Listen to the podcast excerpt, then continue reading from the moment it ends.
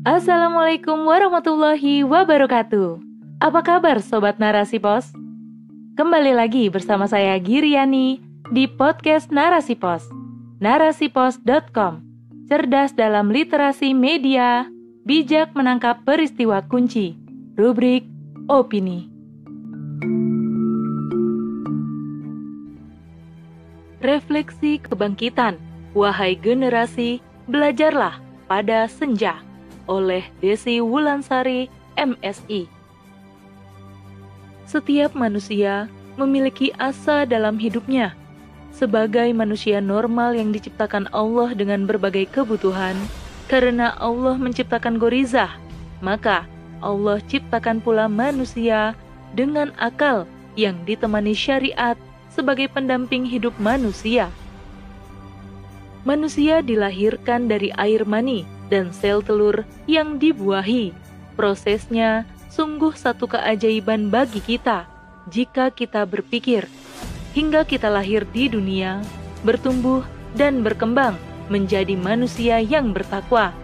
Sejak dini pun kita dipelihara dan diasuh dalam pengasuhan orang tua muslim. Orang tua yang memberikan bekal ilmu agama berupa sakofah dan akidah yang ditanamkan sejak dini. Namun, ada kalanya sebagai manusia tidak akan luput dari kesalahan, karena satu-satunya manusia yang terpelihara dan ismah atau terhindar dari dosa melalui pemeliharaan atau perlindungan dari Allah Subhanahu wa taala hanyalah nabi mulia Muhammad sallallahu alaihi wasallam. Perbuatan dosa yang dilakukan manusia akibat kelalaian, ketidaktahuan, miskin ilmu agama, kehilafan, bahkan kesengajaan yang dilakukan akibat dorongan hawa nafsu dan godaan setan dengan tujuan menjerumuskan manusia pada pintu neraka menjadi tantangan hidup manusia dalam jalan menuju ketakwaan hakiki. Dikala manusia tengah dikelilingi pada sistem yang merusak pemikiran dan akidah saat ini, berbondong-bondong serangan para kafir barat pada generasi kaum muslimin masif dilakukan, mengakibatkan melemahnya pemahaman yang kafah, mundurnya kaum muslimin, bahkan umat semakin jauh dari syariat akibat rusaknya uhwah yang disebarkan oleh sistem ini. Mereka adalah para pengusung sistem kapitalisme, liberalisme, dan sekulerisme atau sepilis dunia. Lantas, ingin dibawa ke mana generasi muslim hari ini jika mereka tidak punya lagi perlindungan dari penguasa muslim sejati? Fase kehidupan manusia layaknya perputaran waktu siang dan malam. Allah menciptakan alam semesta ini beserta tanda-tandanya agar manusia berpikir dan menyadari satu-satunya Maha Pencipta, Allah Subhanahu wa taala. Dalam surah Ali Imran ayat 190, Allah menunjukkan tanda-tanda pada penciptaan alam semesta dan pergantian siang dan malam sebagai berikut. Sesungguhnya, dalam penciptaan langit dan bumi dan pergantian malam dan siang, terdapat tanda-tanda kebesaran Allah bagi orang yang berakal. Sejak keruntuhan Daulah Khilafah Utsmaniyah di tahun 1924, generasi muslimin semakin jauh dari syariat Allah. Disebabkan para pemikir barat yang memiliki agenda melenyapkan daulah Islam di muka bumi ini. Bahkan hingga hari ini, serangan masif masih terus dilakukan hingga generasi muda muslimin semakin keluar dari koridor cara berpikir Islam kafah. Namun, Sejatinya Islam adalah agama yang kuat dan yang diridhoi Allah Subhanahu wa taala hingga akhir zaman. Bahkan Rasulullah Shallallahu alaihi wasallam memberikan pesan fenomenal yang diberikan kepada generasi muslim yang bukan pada zamannya dalam sebuah fase-fase kemenangan dan kebangkitan umat.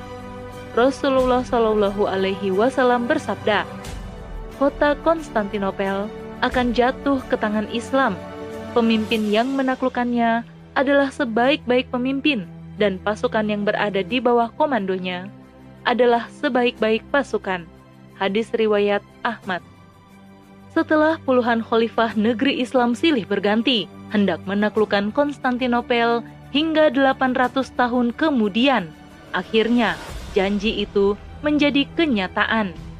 Sosok Muhammad Al-Fatih yang sejak belia selalu diyakini oleh penasihat spiritualnya, Syekh Al-Syamsuddin, bahwa dirinya lah yang kelak menaklukkan Konstantinopel hingga menjelma menjadi sosok pemimpin muslim yang mampu mewujudkan kebenaran bisyarah Nabi. Setelah Konstantinopel jatuh ke tangan kaum muslimin, maka fase berikutnya adalah penaklukan kota Roma dan khalifah akhir zaman sesuai manhaj nubuah adalah generasi muslim selanjutnya. Siapakah dia? Apakah generasi kita? Bisa jadi, apa pun mungkin jika Allah mengizinkan. Kun fayakun. Apakah generasi itu diri kita sendiri atau pejuang dakwah? Atau mungkin generasi anak, cucu, bahkan cicit kita kelak? Sungguh, kabar gembira telah kaum muslimin ketahui hingga kemudian hari. Bangkitnya generasi muslim hari ini dan yang akan datang menjadi tanggung jawab umat muslim seluruhnya. Membentuk generasi cemerlang layaknya generasi Muhammad Al-Fatih adalah visi dan misi umat Muslim yang tidak boleh putus, hingga tidak diragukan lagi bahwa realisasi pembebasan khilafah Roshidah ke tengah-tengah umat Muslim akan terwujud. Wahai generasi cerdas, saatnya belajar pada hari. Di kala senja, ia akan tenggelam pada kegelapan. Setelah segala upaya kerusakan kaum kafir di alam semesta ini tengah digelontorkan, namun generasi muslim tetap meyakini sebuah asa yang pasti bahwa Allah Subhanahu wa taala menciptakan fajar di kala terbit dan muncul kembali. Di situlah kemenangan umat akan diraih. Allahu Akbar. Wallahu a'lam bisawab.